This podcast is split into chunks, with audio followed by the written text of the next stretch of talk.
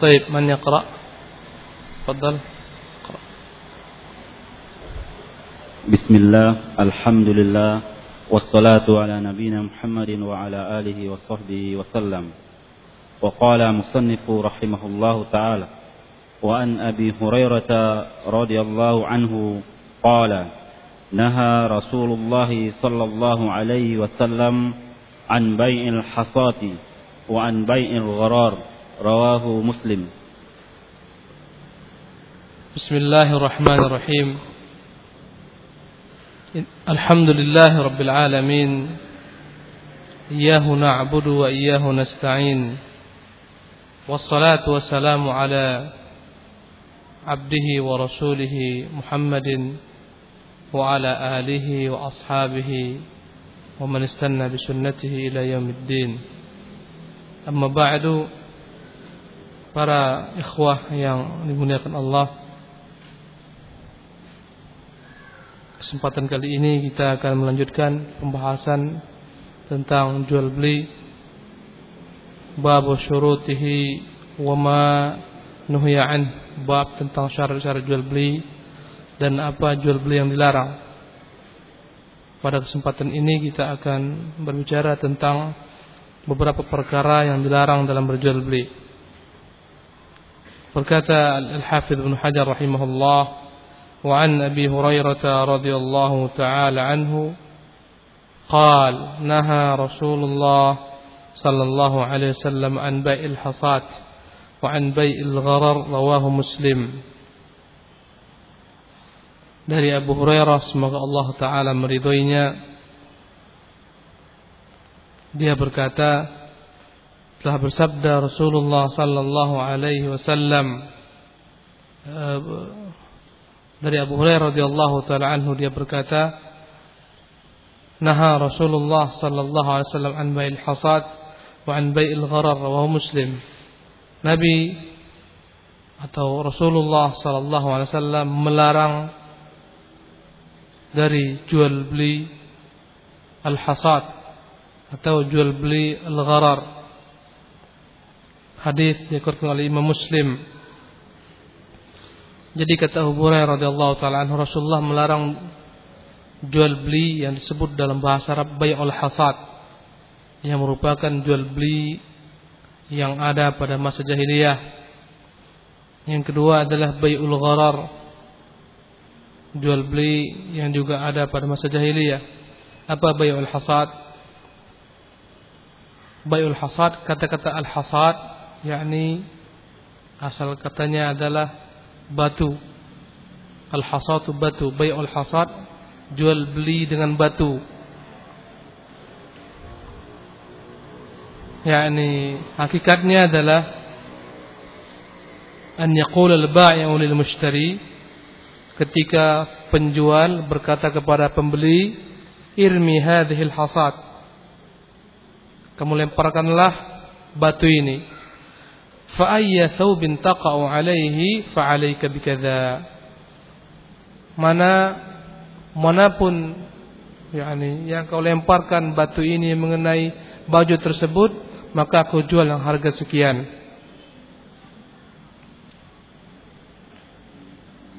Contohnya banyak barang. Ada baju ada baju yang harganya 20 contohnya 20 ribu ada baju yang harganya 50 ribu, ada yang 70 ribu, ada yang 10 ribu. Kemudian dia lihat dari jauh. Kemudian berkata ketika itu pembeli penjual, siapa yang mau beli baju, baju ini silahkan. Itu macam-macam. Tapi caranya, ya aku jual dengan harga satu kali lempar, mana pun kena 25 ribu. Diambil batu. Dia lempar. Tap. Kena yang 50 ribu. Rugilah yang jual. Untung pembeli. Dia lempar. Kena baju second harganya 5 ribu. Ya. Bahkan kena mungkin yang 10 ribu tiga. Baju second. Siapa yang rugi? Dia buat mengeluarkan uang 25 ribu. Yang rugi adalah pembeli. Inilah yang disebut namanya bai'ul hasad. Untuk melihat ini ikhwan rahimakumullah bentuknya bukan batu kok sekarang, gelang. Ada barang-barang macam-macam. Ya kan? Mungkin itu kalau Anda kata ada pasar malam ada itu. Antum bayar 5 ribu atau 10 ribu. Di sana macam-macam sesuai kepandaian antum. Kalau antum mahir melempar, habis dia. Lempar tepat, lempar tepat, lempar yang 100 ribu, lempar 100 ribu. Ini namanya bay'ul hasad. Atau an yabi'ahu min ardihi man taha ilaihi ramyul hasad.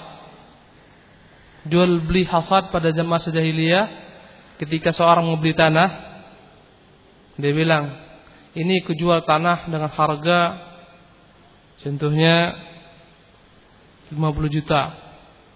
Berapa besarnya? Berapa luasnya? Itu terserah pandai-pandai kau melempar. Kalau dia jago melempar, dia lempar yang seharusnya harganya itu 100 juta, dia beli dengan harga 50 juta karena dia jago melempar. Untung dia. Kalau anda kata dia lemah lemparannya, ya pendek dia lempar, jaraknya pendek, maka dia rugi. Paling-paling dia dapat yang harganya seharga 25 juta. Sementara dia bayar berapa? 50 juta. Ini bayul hasad. Yang ada pada masa jahiliyah dan itu pun masih ada sampai sekarang. Antum pergi ke plaza-plaza, mall-mall, ada alat saya entah apa namanya nggak tahu itu ya. Dalam kotak dalam kota itu ada kebiasaannya rokok, wa billah. Rokok, ada rokok yang mahal, rokok yang murah. Terkadang macam-macam bendanya. Masukkan uang, nanti ada itu kan bekerja, angkat, angkat, keluarkan, angkat, keluarkan, kadang dapat, kadang enggak. Ini namanya bayul hasad. Ya. Yang hukumnya adalah haram, jual belinya tidak sah. Kenapa tidak sah? Karena dalamnya ada unsur spekulasi, gambling, judi, maka dia dilarang.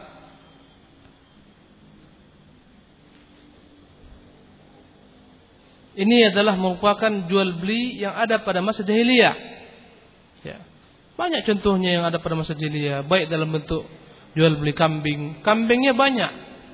Ada yang kurus, ya, ada yang gemuk, Ya, dihargakan pokoknya ini lemparkan pita ini, di mana jatuh pita ini kena kambing tersebut atau batu ini kena kambing tersebut, yang mana kau lempar kena, maka dia kujual dengan harga 700 ribu contohnya. Dia lempar kena yang besar, kambing bendot yang besar, harganya 1 juta 500, rugi yang jual. Dia lempar kena yang kurus, harganya cuma 500 ribu rugi ketika itu yang membeli dan ini dilarang. Ini terjadi pada masa zaman jahiliyah dan juga terjadi sekarang.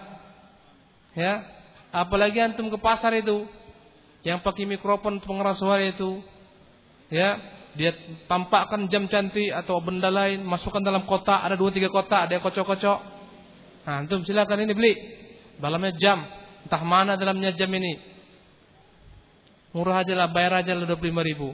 Jamnya itu seharga mungkin 500 ribu. Ya, kasih 50 ribu. Dia putar-putar, dia putar-putar. Ambil. Jangan buka di sini. Buka di luar sana. Pokoknya yang beli jangan buka sini, buka di luar. Bawa, buka luar, kosong. Atau bawa buka keluar, isinya cuma sabun.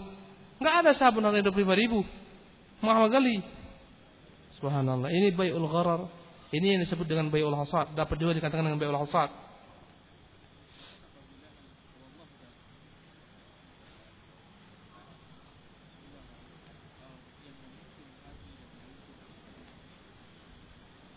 Kemudian yang kedua namanya adalah bay'ul gharar. Jual beli gharar.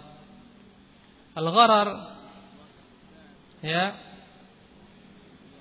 dalam bahasa Arab asalnya adalah gharra yaghirru maknanya ada al-khatar gharra yaghirru maknanya al-khatar artinya bahaya spekulasi, jual beli yang dalamnya ada unsur bahaya.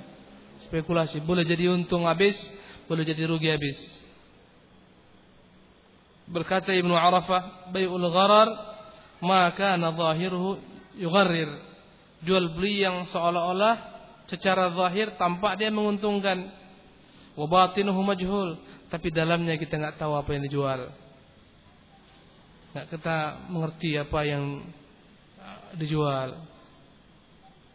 Fahuwa majhulul aqibah, maka ujungnya kita enggak tahu.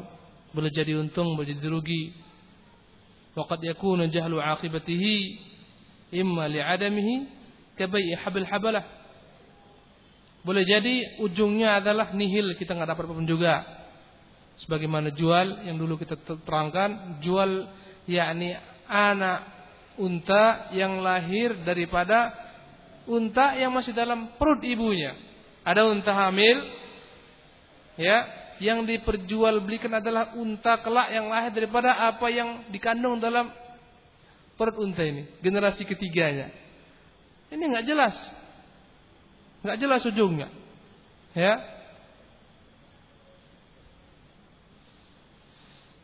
Wa imma lil ajzi anhu kal jamal syarid boleh jadi baik gharar ini terjadi karena sesuatu yang nggak mampu untuk diserahkan masih ada di sana unsur spekulasi seperti menjual untanya yang dalam keadaan lari, lepas.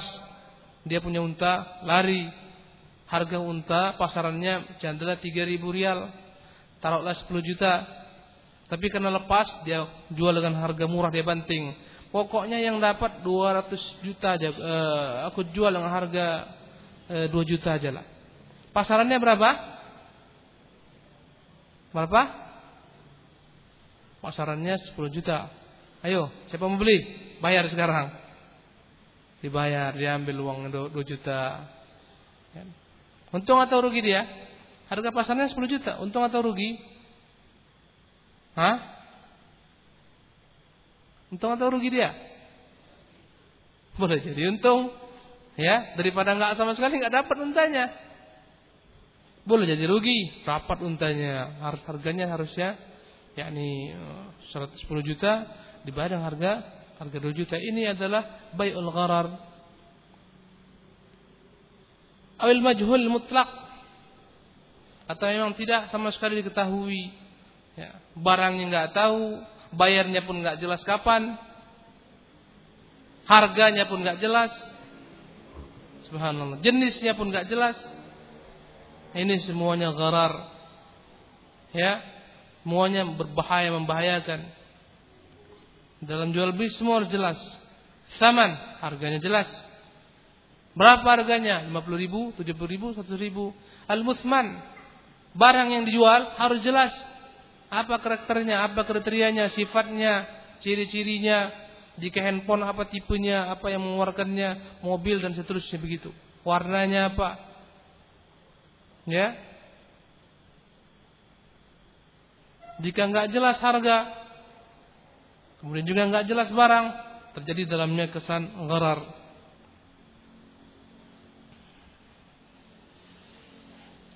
Jadi ini adalah merupakan usul dalam jual beli, prinsip dalam berjual beli. Bahwasanya setiap jual beli yang dalamnya ada unsur spekulasi ataupun unsur gharar, maka dia adalah jual beli yang tidak sah jual beli yang haram karena akan dirugikan salah satu daripada kedua belah pihak.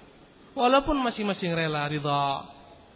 Wallahu taala alam boleh dimasukkan ke dalamnya jual beli ikan di dalam kolam ya dengan cara yakni dipancing.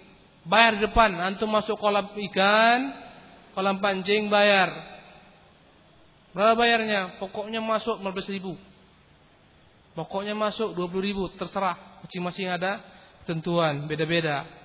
Bayar 20 ribu, mau masuknya. Mancing antum. Ya, sebagian tempat bebas mancing ke mana-mana. Sebagian tempat diberi tem, diberi apa namanya batasan-batasan, dikasih tali-tali, nggak boleh lebih daripada apa yang dibatasi.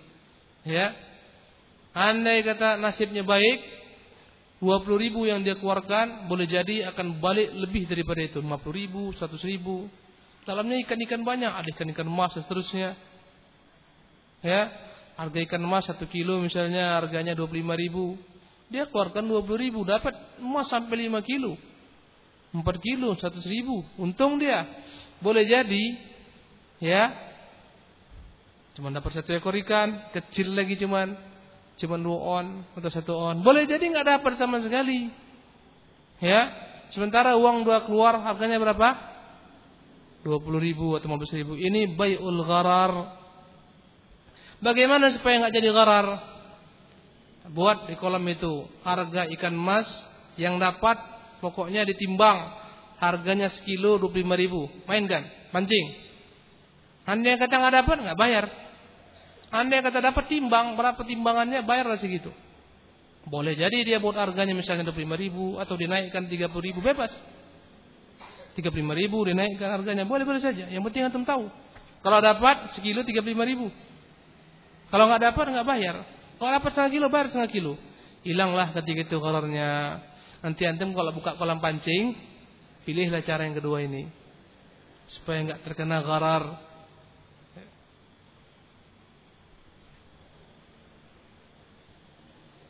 Jadi kita telah jelaskan di pangkal pembicaraan kita tentang masalah jual beli. Ada beberapa prinsip yang dalam jual beli dilarang. Ada tiga prinsip paling mendasar. Ada unsur riba dilarang. Yang kedua ada unsur kezaliman dilarang. Yang ketiga ada unsur gharar yang tidak jelas spekulasi. Sebagian menambahkan ada unsur yakni khida penipuan dalam jual beli tersebut. Ini hal-hal yang membuat jual beli itu yakni tidak sah. Kalau terjadi hilang keberkahan akan jadi komplain. Ya. Di antara jual beli yang sekarang terjadi adalah yakni bacaan di nota barang yang telah keluar tidak boleh dikembalikan. Ya kan? Padahal anda kata terdapat aibnya wajib dikembalikan.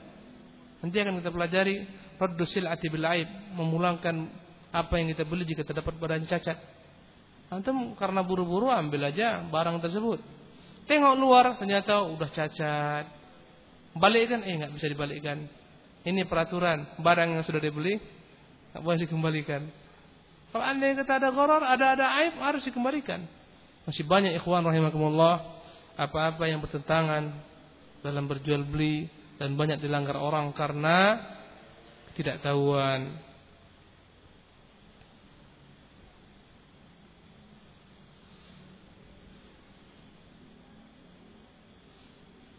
Banyak lagi bayul gharar ya, contoh-contohnya disebutkan di sini adalah bay'ul thimari qabla budui salahiha. Nanti akan dijelaskan lagi secara rinci.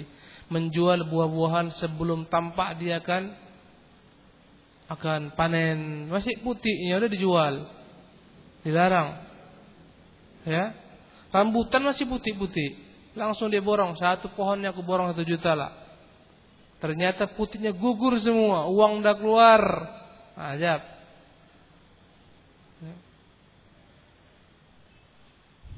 Dia bayar satu juta. Ternyata ketika buahnya banyak lebar sekali. Tiga juta harganya seharusnya. Baru dia sesuai. Siapa yang rugi? Yang rugi penjual. Yang tadi yang rugi pembeli. Ini maka termasuk dalam bayul gharar.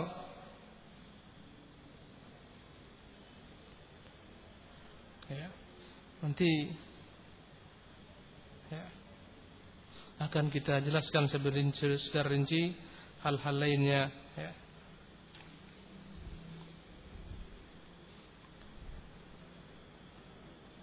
Masuk ikhwan ya. Yani dalam bai'ul gharar ini adalah benda-benda yang enggak jelas dia, dibeli dengan cara undian. Diiming-imingi orang, ini paling banyak ini.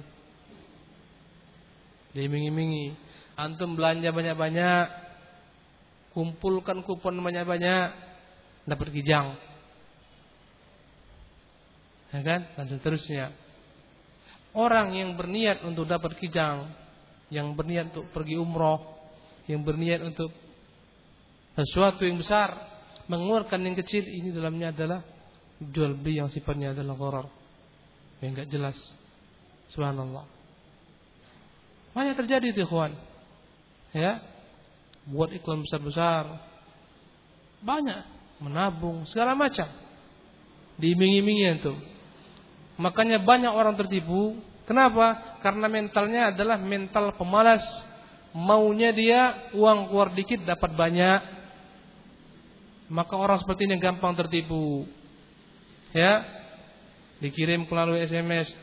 Anda beruntung dapat hadiah. Pesdor. Apa namanya? Presdor. Pak ngerti saya. Hah? Door prize.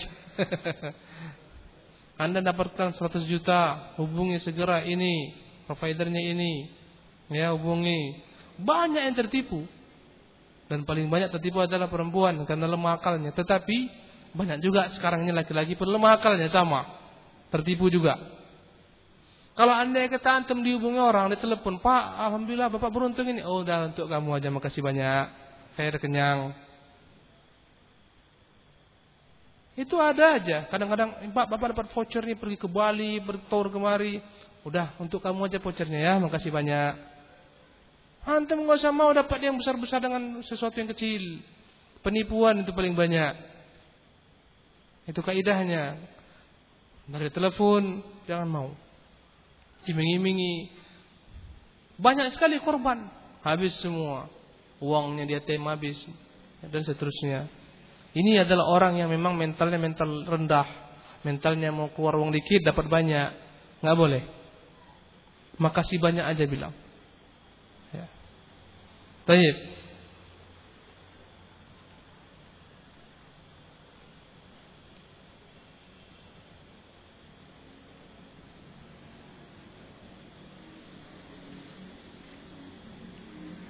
Masya ikhwan rahimakumullah.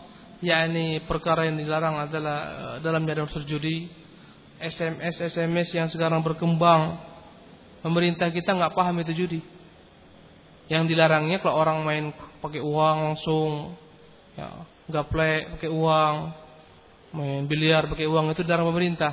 Tapi SMS yang sifatnya subhanallah itu banyak provider. Itu yang memang subhanallah selalu masih SMS antum itu. Kuis ini premiumnya pulsanya satu ini sekali kirim 900 sekali kirim 2000 4000 kirim. Dapat hadiah juta-jutaan. Ini judi. Ya ini maisir spekulasi. Dilarang. Itu masuk televisi ya kan? Masuk ke handphone antum paling banyak orang-orang yang lemah mentalnya ini ikut ini oh iya Ah, pelatih pulsa 900 perak, nggak apa-apa lah 900. Syukur-syukur aku dapat. Ini mental para pejudi nih. Pejudi kecil-kecilan. Kadang ah pelatih 2000 peraknya, eh, pulsa 2000 nggak ada apa-apa. Syukur-syukur nanti dapat mobil yang 200 juta harganya. Ini semua ikhwan judi, hukumnya haram. Kita berharap supaya Majelis Ulama Indonesia mengeluarkan fatwa-fatwa seperti ini. Masyarakat ini terkadang karena nggak paham dipilah-pilah dia. Ya. Dianggap yang nama judi itu kok nampaknya ternyata main uang atau judi dia. Nampaknya di hadapan uang. Pakai taruhan kartu itu judi. Banyak soal jenis-jenis judi yang juga dilarang dalam agama ini. Seperti tadi, SMS berhadiah, kirimkan sekian sekian, kirimkan ke nomor-nomor sekian.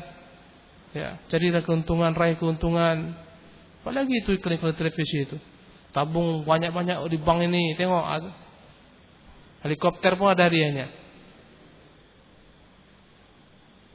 Subhanallah.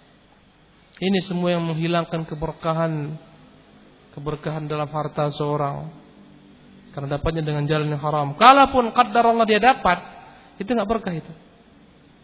Nggak ada ceritanya orang yang menang lotre miliaran mil, jadi miliarder selama-lamanya atau dalam jangka yang panjang. Paling setahun dua tahun habis itu semua. Saya pernah baca seorang perempuan, lupa saya namanya di negeri mana saya lupa di koran. Dia jadi miliarder dapat lotre tak berapa yang nggak tahu saya nyebutkannya lagi. Kaya raya. Sekali habis dia poya-poya untuk ulang tahun, Entah berapa ratus juta habis untuk pergi-pergi entah berapa ratus juta. Setahun aja habis uangnya. Miskin, dihinakan orang, ngutang nggak dikasih orang, dicampakkan orang, habis. Nggak usah lah payah-payah. Uang yang dapat dengan mudah banyak nggak berkah. Uang PHK antum itu ke mana semua? Mudah kali dapatnya. Satu dua yang dia paham bagaimana apanya. Kebanyakan sebulan lewat. Ya, nggak antum hargai karena mudah dapat. Tapi sesuatu yang dapatkan dengan payah, biasanya orang akan berhitung, akan menghargainya. Subhanallah. Maka jarang anak-anak orang kaya itu menjadi orang kaya seperti orang tuanya, hancur biasanya di tangan generasi kedua atau ketiga hancur. Kenapa? Karena dia nggak ada jibaku, nggak ada sungguh-sungguh, nggak pernah merasakan hidup yang susah. Orang tuanya susah dari bawah, dari jual koran mungkin dia, dari jual jadi orang besar. Anaknya boleh jadi yang pertama, generasi pertama mungkin masih nampaknya jadi payah orang tuanya. Udah generasi kedua, ketiga hilang semua habis. Baik.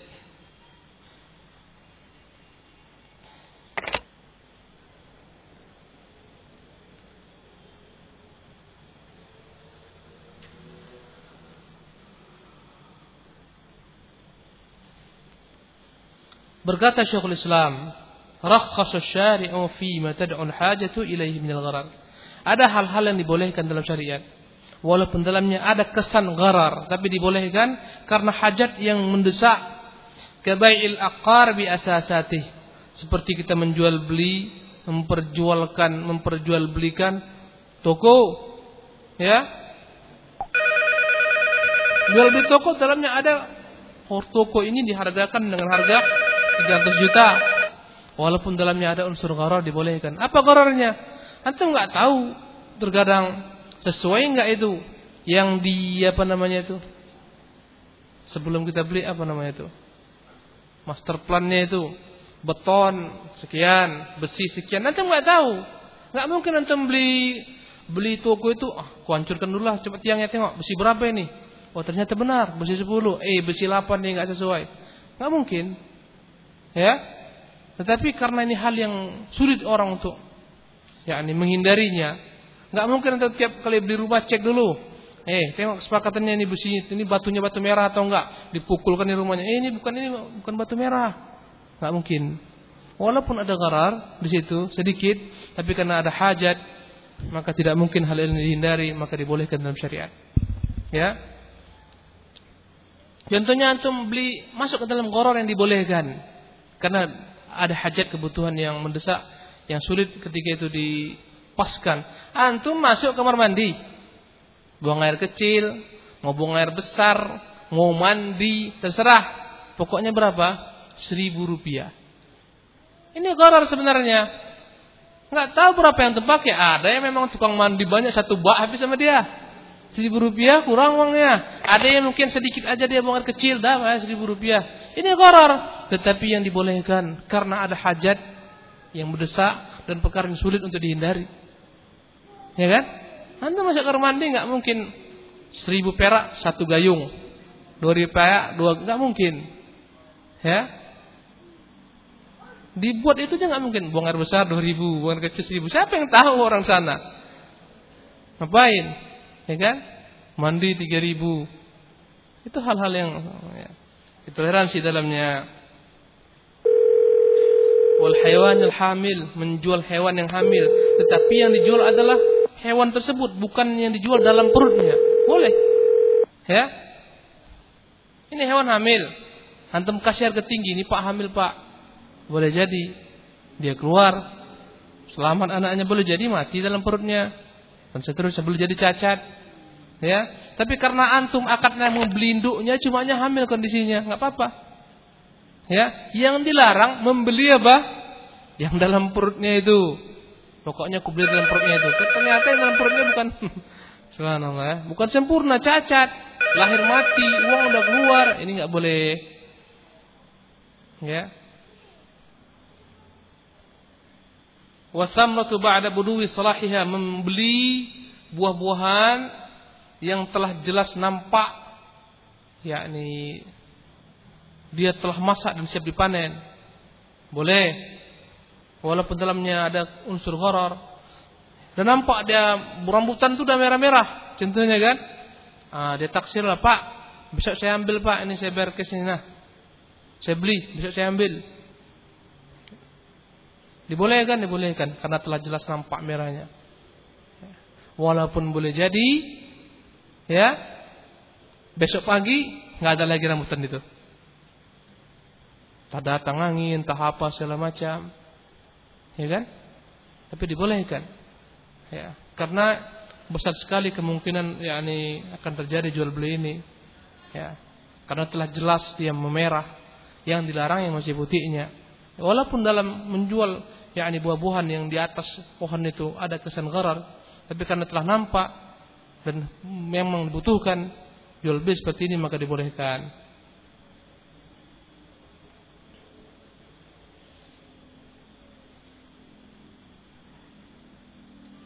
Kemudian wa bai'u maqsud minhu mughayyabun fil ard kal basal. Juga menjual beli yakni tumbuh-tumbuhan yang memang dia tersembunyi di bawah tanah. Seperti bawang, jual beli bawang. Dia hanya nampak apanya? Ke atas. Apa namanya? Daunnya nampak. Ya, dalamnya nggak nampak.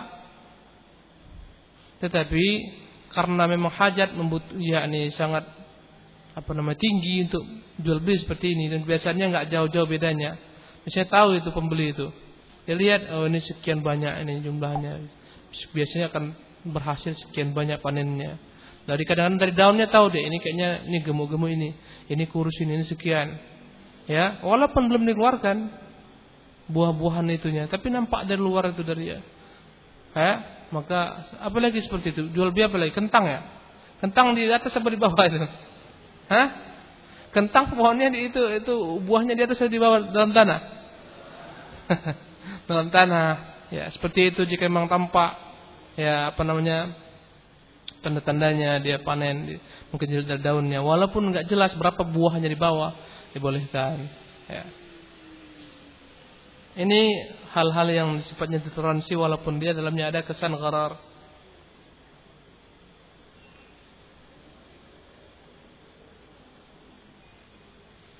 Walaupun juga sebagian ulama tetap keras dalam masalah-masalah seperti ini.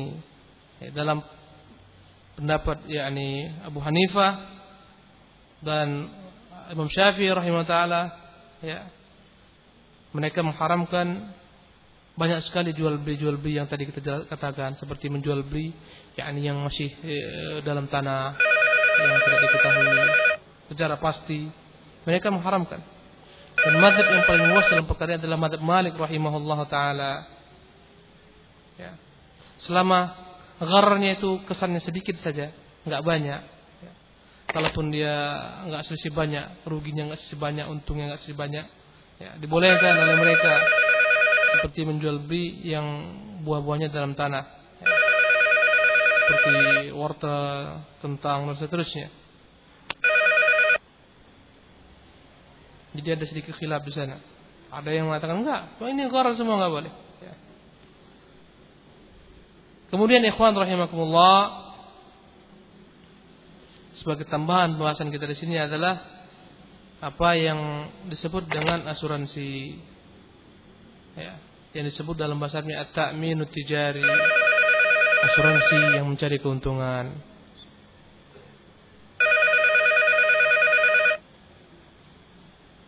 Bentuknya adalah perusahaan.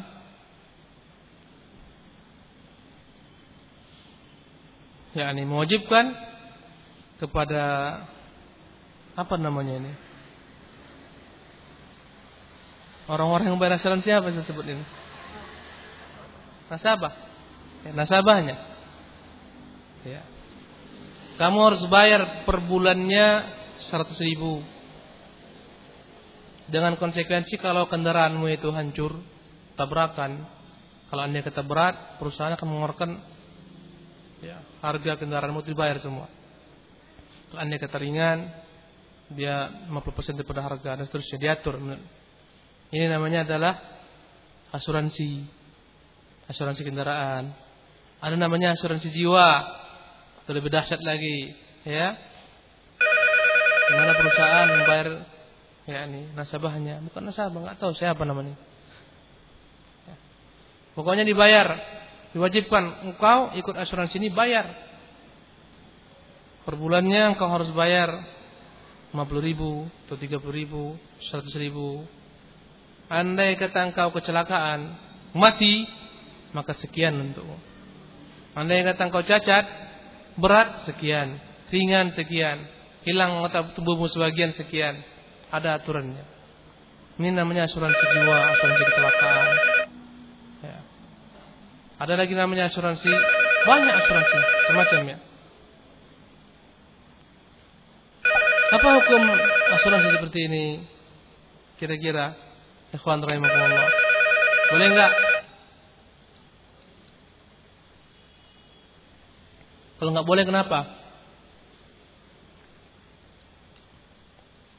Berkata Syekh Muhammad bin Ibrahim Al-Syekh, At-ta'minu mukhalifun li syariatil islamiyah. Asuransi itu apa pun namanya, bentuknya, selama sifatnya cari untung, ya, namanya ta'minu tijari, apa pun namanya. Jadi keuntungan dia ini adalah merupakan perkara yang menjadi syariat Islam. Lima yashtamil alaihi min umur karena terdapat dalam asuransi beberapa perkara. Pertama, ghararun wa jahalatun wa mukhatarah. Ada unsur gharar enggak jelas. Ada unsur jahala. Ya, ada unsur yang sifatnya mukhatarah, spekulasi. Nasib-nasiban, untung-untungan. Mimma yakunu min qibali aqri amwalin nas bil batil yang akan dapat digolongkan memakan harta manusia dengan jalan yang batil. Yang kedua, yushbihul maisir li'annahu yastalzimul muqamarah. Dia mirip dengan judi karena ada unsur gambling di sana, besar unsur gamblingnya. Kalau andai kata ya, antum Ustaz, ikut asuransi kendaraan, mobil tentunya baru beli mobil. Antum ikut asuransi kendaraan atau asuransi mobil. Ya. Baru antum bayar seminggu, tabrakan mobil antum, masuk jurang, hancur. Antum baru bayar contohnya 100 ribu satu bulan. Pertama kali bayar 100 ribu. Baru satu minggu, antum langsung digantikan mobil antum yang hancur. Harga mobilnya sama dengan 150 juta contohnya. Mana yang rugi? Pihak mana? Pihak asuransi yang rugi. Ya, atau sebaliknya, mobil antum selamat, nggak pernah tabrakan. Tiap bulan setahun satu ribu, tiap bulan terus. Setahun, dua tahun, tiga tahun, tujuh tahun. Siapa yang rugi? Tentunya. Assalamualaikum. Ya, ini pembeli ini apa namanya nasabah itu yang rugi. Assalamualaikum. Waalaikumsalam warahmatullahi wabarakatuh. Bagaimana? Assalamualaikum. Sama dengan asuransi jiwa. Waalaikumsalam. Bagaimana Ustaz? Kedengaran enggak? Tewas-tewas sampai 30 tahun uang antum habis tak ke mana-mana. Sudah masuk suara antum. Sudah ya? masuk Ustaz, sudah masuk. Tapi baru satu bulan sudah masuk ikut asuransi jiwa mati. Ketika itu mana yang rugi? Pihak asuransi. Ini unsur nah, spekulasi. Ini, ini unsur uh, judi ya. maka dilarang. Antum belum bisa ngomong. Ya? Maka antum nggak usah ikut asuransi itu nggak ada itu gunanya itu. Apalagi asuransi jiwa. Antum berdoa semoga diri antum celaka ya. Supaya dapat duit. Oke. Okay. Subhanallah. Sekarang antum bisa ngomong nggak? Kecuali orang-orang seperti ini ya. Gampang Pak, aman semuanya asuransi, pakai aja mobil suka hati. Tabrakkan aja itu asuransi. Ya kan? Siapa yang mau dikasih uang tapi dia ditabrak? Hanya orang gila yang mau seperti itu. Ya. Kemudian ketetapan atau kibar ulama tentang perkara ini pun tetap ya mereka mengharamkan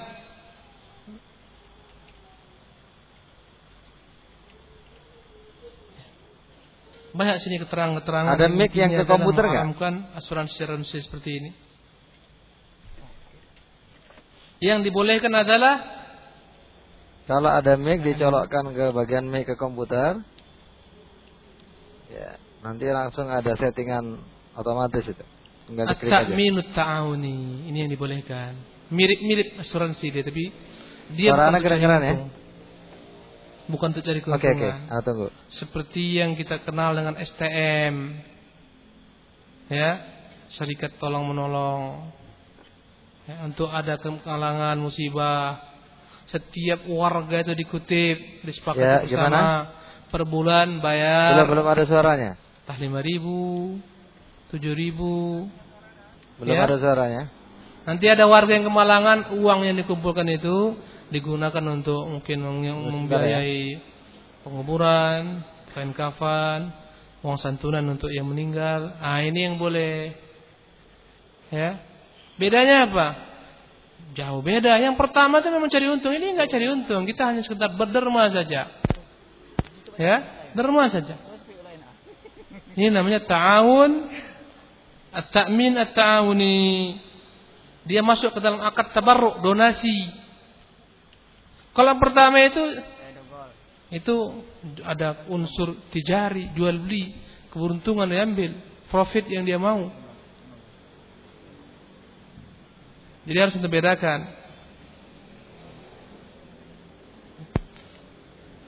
Jadi andai kata antum bayar per bulan, antum nggak merasa berat, 5000 perak apalah. Ustaz, Dan antum pun nggak pernah berniat ini 5000 perak kalau aku mati nanti supaya aku dapat jatah enggak. Siapa orang mau mati cepat? Anda ini kan infak, ini kan donasi ya, sifatnya. Jawab lagi ya, ngomong ah. Ya. Siapa yang meninggal dari warga? Ustaz, bisa dengar, kan Ustaz? digunakan. Dari kasih itu diambilkan. Ya. Motivasinya Bisa beda, niatnya beda. Yang pertama cari untung, Ustaz? ini nggak cari untung. Ini donasi saja sifatnya. anak pakai. Ya, maka dia nggak dapat Bisa disamakan Ustaz? dengan asuransi yang pertama. Ya, agar mereka saling ta'awun bantu membantu jika ada yang terlibat tertimpa musibah, ya, saling bantu membantu mereka. Ya, mungkin eh, kayaknya kita ada paket itu mungkin dalam LMZ kita akan ada paket seperti itu nanti. Ya, yang mau donasi silahkan antum infaklah per bulan berapa. Ya, paket ditetapkan 10 ribu.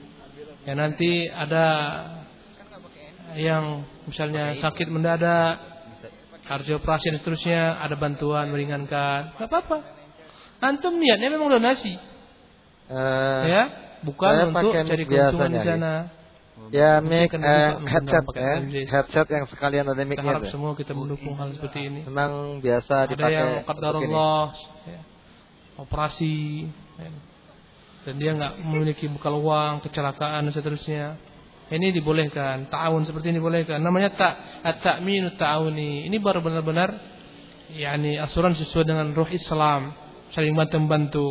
Oke, ah, itu ah. Itu yang membedakan antara keduanya. Maka hayatu kibar ulama menetapkan tentang asuransi yang kedua ini apa? Anna ta'min at-ta'awuni min uqud at-tabarru'at. Ya. Asuransi seperti yang kedua ini jenisnya apa namanya? Enggak tahu saya yang paling tepat. Bukan asuransi apa kita bilang nih? Enggak tahu lah pokoknya. Bahasa Arabnya at-ta'min at-ta'awuni. Sifatnya gotong royong bersama untuk meringankan beban, ya. Masuk ke dalam uqud at-tabarru'at. Akad yang sifatnya donasi allati yuqsadu biha asalatu ta'awun ala ala taftitil akhtar. Yang tujuan pertamanya adalah meringankan beban Ah, ah, ah. ketika terjadi ah. musibah. Wal ishtirak fi tahammul mas'uliyah inda nuzul kawarith yang tujuan asalnya adalah yakni adanya ruh gotong royong untuk meringankan beban orang-orang yang timpa musibah. Wa dzalika an tariqi ishami ashkhas bi mabaligh naqdiyah dengan cara masing-masing memiliki saham memberikan saham donatur donasinya ya tukhassas li ta'widi man yusibuhu dharar yang mana ini semua donasi akan dikumpulkan akan dikeluarkan untuk orang yang tertimpa bahaya wa imkanul ittifa' bihi an ta'min tijari apalagi ini adalah hal yang baik yang positif yang membuat orang nggak perlu ikut asuransi-asuransi yang lain itu Bisa dengar. Ustaz? ya Bisa dengar Ustaz? Kan itu punya dia. Allah kita bawa nih. Gimana caranya itu? Oke ya. bahkan terkadang ikhwan karena orang kepepet sengaja dibuat penipuan. Bahkan ada orang berani potong tangannya jatuh. jarinya itu potongnya sedikit. Lapor dia klaim ini tangan saya kena nih. Hmm, bayar 200 juta. Apalah hilang-hilang jempol satu nggak apa-apa lah. Yang penting 200 juta, klaim, dapat. Kemudian dicek kembali, dicek ternyata eh kamu nipu ini kamu unsur sengaja. Malah masuk penjara. Jempol hilang, masuk penjara, uangnya hilang. Ya, ini semua ada unsur kezaliman semua. Ya. Allah musta'an. Tapi andai kata ikhwan, antum membeli tiket pesawat, Ustaz, kapal, dalamnya sudah ada asuransi itu. Antum nggak bisa bilang, eh pak saya nggak mau asuransinya. Udah masuk dicas dengan harga di sana, ya, maka antum nggak berdosa. Karena antum nggak mau, tapi harus di situ. Antum kerja, udah masuk paket jaminan sosial di sana, ya, tenaga kerja. Antum nggak mau, siapa yang mau celaka?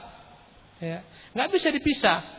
Tapi anda kata ikhtiar sendiri nggak boleh. Antum banyak tuh kalau mau naik pesawat ada di beberapa konter-konter itu Pak, asuransi ini Pak, diharapkannya pesawat jatuh supaya antum dapat uang. Ya. Maka hal seperti ini antum nggak berdosa, nggak ada pilihan lain. Nggak bilang nggak bisa antum bilang aku pokoknya nggak mau lah ikut asuransi ini, nggak mau, nggak usah aku beli tiket, nggak pergi antum. Ya, ini dalam kondisi seperti ini kita nggak berdosa insyaallah taala. Ya. Wallahu taala alam. Wa sallallahu wasallam ala Muhammadin. Cukup kita cukupkan pembahasan kita malam hari ini dalam satu hadis. Semoga Allah menambahkan ilmu kita, menambah yakni istiqomah kita dalam beragama. Semoga apa pun bentuk usaha yang kita perbuat selalu sesuai dengan syariat, koridor syariat. Ya, tentunya dibutuhkan agar setiap orang pelaku bisnis, pelaku usaha senantiasa terus-menerus belajar, belajar, bertanya, belajar, bertanya.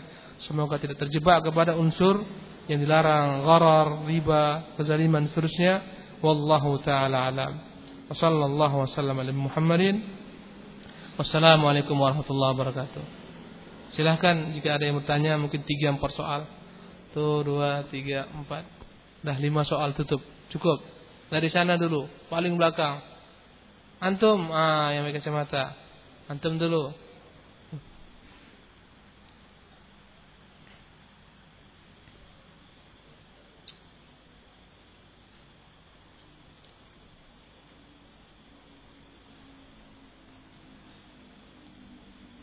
Gak bisa untuk hidupkan.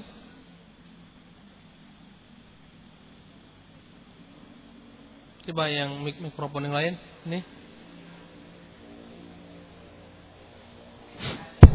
Ah, ini bisa ini. Fadal. Nah, bagaimana hukum Hah? Bagaimana hukum bisnis online? Antum dekat-dekat mikrofonnya. Supaya ada fungsinya. Sudah. Bagaimana dengan bisnis online? Bisnis online apa itu? Jelaskan dulu sama saya. Hukumnya. Hah? Di internet itu loh, ada bisnis online kayak jual beli online gitu. Jual beli online. Ya. Andai kata dalamnya jelas, barang yang antum lihat itu jelas nampak di internet, ya. Tipe-tipenya ada, sifat-sifatnya ada, harganya jelas, kemudian akadnya pun jelas, masuk uang baru dikirimkan barang atau kirimkan barang dulu baru masuk uang, ya sepakat kesepakatannya ada jelas, ya maka boleh dia. Ya. Sama dengan jual beli melalui surat atau fax dahulu kala orang surat ya atau fax boleh. Yang penting nggak ada dalamnya unsur gharar jahala. Itu jelas lihat. Walaupun tidak sedikit di internet itu bisnis-bisnis jual beli online itu yang dia penipuan ya tidak sedikit ada juga yang menipu tapi antum harus pandai-pandai melihat dan seterusnya jeli melihat. Jangan sampai ketipu. Jika memang jelas enggak ada gharar, boleh-boleh saja. Ya. Walaupun nanti ada pengecualian-pengecualian. Ya, insyaallah kita akan bahas. Ya. Nanti akan dibahas mungkin lebih dalam lagi ketika ada namanya khiyarul majlis. Ya, khiyar memilih untuk beli atau enggak beli dalam satu majlis. Ini kan berbeda berbeda tempatnya, berbeda apa namanya? Satu mungkin di Amerika, satu lagi mungkin di Iriana, ya. Tapi sebenarnya majlis ini kelak akan di akan dinilai dia satu majlis secara uruf kebiasaan dianggap satu majlis dia. Ya. Karena mungkin kan orang langsung ya melalui telepon, apalagi teleponnya pakai 3G, langsung lihat. Oke Pak, oke, masukkan dalam rekening saya. Oke, bayar jadi kirim. Ya. Insya Allah kalau nggak ada jalan yang dibolehkan. Allah taala alam. Atau antum ada punya muskilah, ada antum ada kesan koror di sana nggak? Nggak ada. Kalau nggak ada boleh dia. Allah taala alam. Baik, yang lain? Antum dulu kita gini jalannya. Lima soal ya. Bismillah. Uh, mohon penjelasan Ustaz, apa hukum memperjualbelikan darah untuk kebutuhan orang sakit? Jual beli darah haram. Tidak boleh. Karena darah adalah bukan barang ya, ataupun benda yang dimiliki oleh manusia. Sama dengan jual beli alat-alat tubuh. Jual beli ginjal, terusnya haram. Bukan milik kita ini, kita disuruh Allah pakai aja. Ya. Tapi dalam kondisi tertentu orang nggak bisa dia untuk yakni mengobati pasiennya membutuhkan darah harus dengan jalan dibeli maka yang menjual itu yang berdosa dia menjual barang haram yang membeli dalam keadaan terpaksa tak mengapa ya. tapi hukum asalnya adalah haram jual beli darah. Antum sekarang kalau pergi ke sana PMI itu, antum akan keluarkan uang. Ya. Tapi kata mereka ini bukan jual bidara lupa. Ini adalah yakni biaya untuk oh, apa namanya biaya untuk penjagaannya, letakkan di tempat yang steril, ini untuk menggunakan alat dan seterusnya. Ya. Kata mereka, Allah taala alam. Tapi jangan sampai nanti Antum standby di rumah sakit, kan? Golongan darah antum, oh kan, banyak diperlukan. Kalau anda kata ada orang yang celaka, saya pak, darah saya pak, eh, nggak boleh.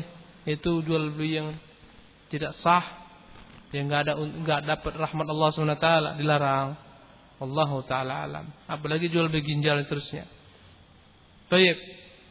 Soal yang ketiga, kemari tadi siapa? Antum, silahkan.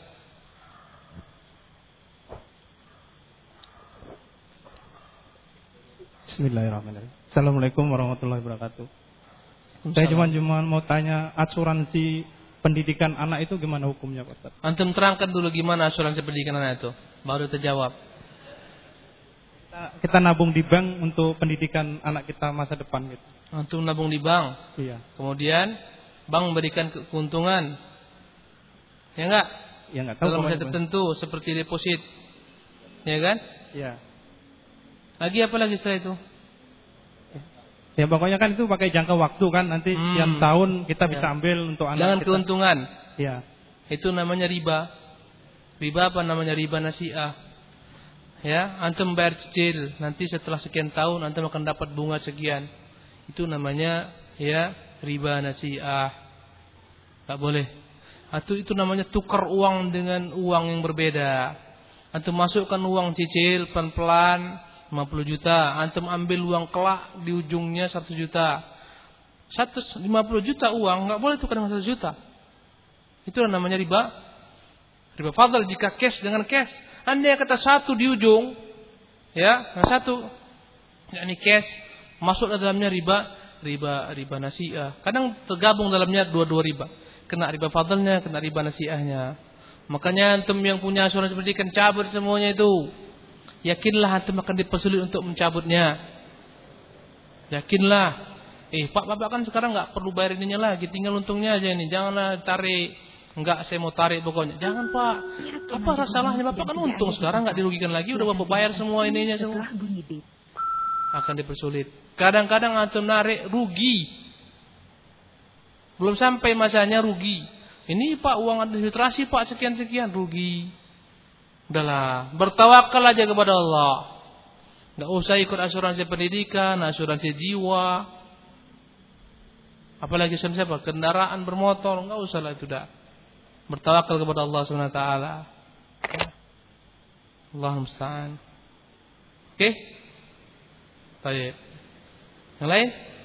Terakhir? Ah. Dua lagi, tiga lagi antum. Silakan. Bismillah. Bismillah, alhamdulillah, ma ba'du. Ustadz bagaimana yang biasa kita lakukan ya? Eh, kita sewa kapal. Ulangi. Kita sewa kapal untuk mancing. Sewa kapal untuk mancing. Nah, artinya kan kita Nggak dapat ikan. Iya, kita mengharapkan ikan banyak. Iya. Tapi ternyata badai. Nggak dapat ikan. Ikannya kedinginan. Iya. Nggak mau makan. Iya. Artinya ada kekecewaan setelah itu. Iya. Nah, Antum gimana, harus Ustaz? perjelas, antum ke sana untuk beli ikan atau untuk sewa kapal? Artinya kita kan mancing. Mancing, Sewa kan? kapal mancing. Akad antum dengan orang kapal itu beli ikan atau sewa menyewa kapal itu untuk cari ikan. Sewa, menyewa atau jual beli. Bedakan. Kalau sewa menyewa nggak apa-apa. Pak, ini pokoknya harga kapal di sini satu malam satu juta atau dua, apa ratus ribu.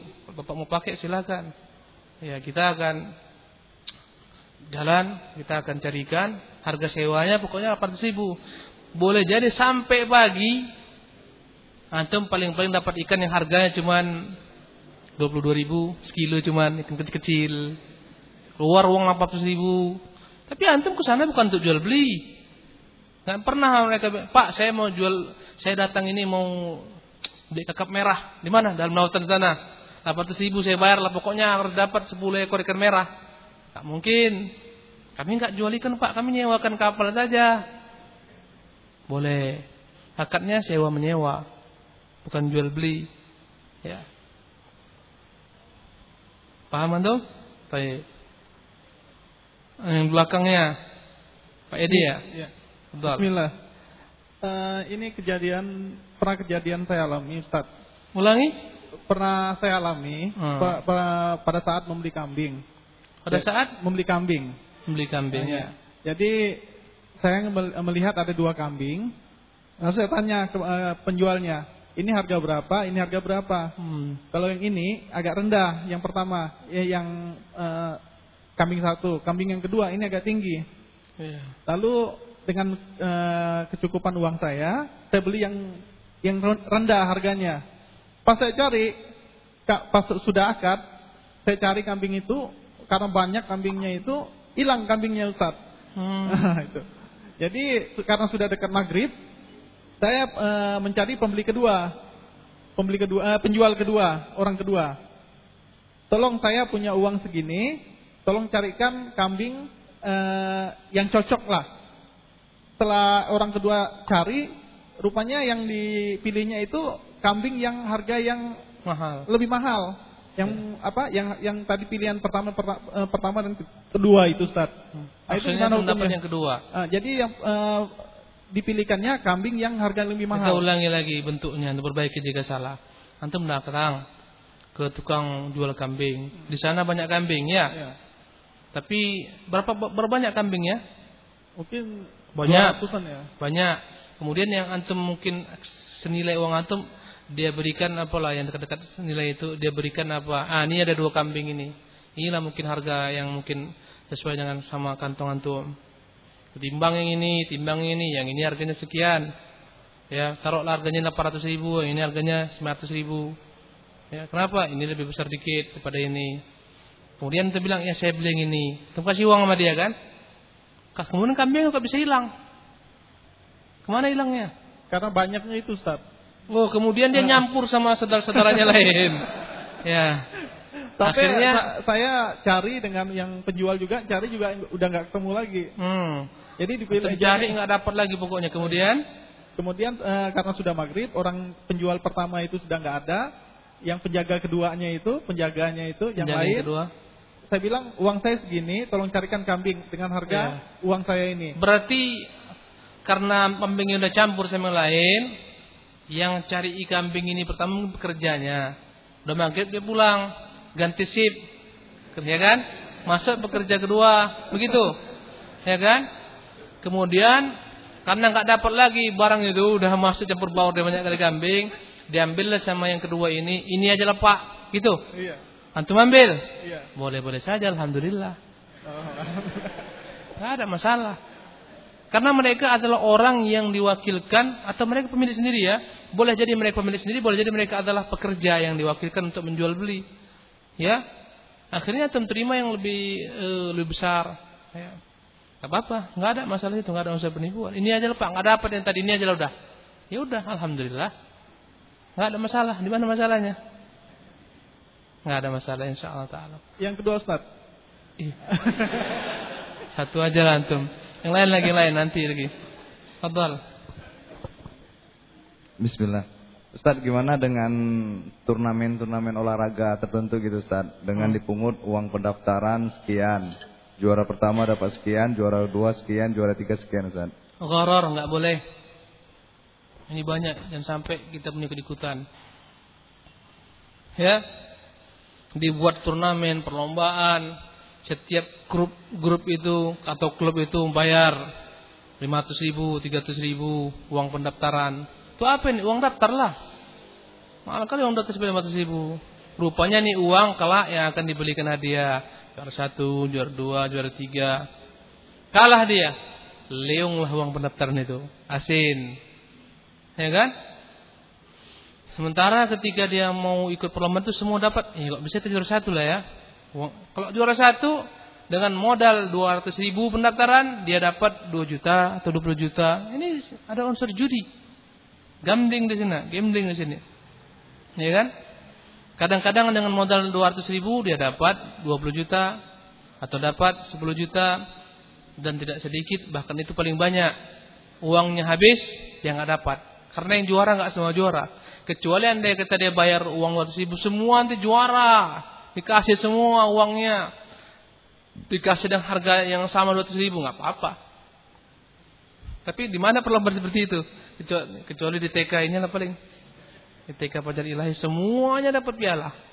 Semua anak TK semua dapat itu. Perlombaannya dapat semua. Boleh. Ini harus antum ingat ya. Ada satu hal lagi. Ya, ini yang mungkin boleh jadi kita terjadi. Allah Ta'ala alam. Kita perbaiki ke depan. Ya. Jual itu harus ridho sama ridho antara din. Ya. Sekolah itu nggak boleh maksakan harus membeli seperti ini. Ya. nggak boleh. Contohnya sekolah cetak kalender. Pokoknya semua murid bagi-bagi. Nah, bayar 10 ribu. nggak boleh. Bagaimana yang boleh? Diumumkan kita ada kalender. Ini yang mau beli 10 ribu harganya. Wali yang mau beli silakan nanti ketika beres sekolah bayar, baru boleh. Pokoknya jual beli harus antarodin. Ya. Harus sama-sama rela. Misalnya diterapkan, pokoknya semua anak harus punya buku. Ya boleh aja punya buku, diterapkan kewajiban punya buku. Tapi ketika diwajibkan semua harus beli di sini harganya sekian, nggak boleh. Boleh aja dia beli tempat lain. Anda kata memang bisa dan seterusnya dia. Ya.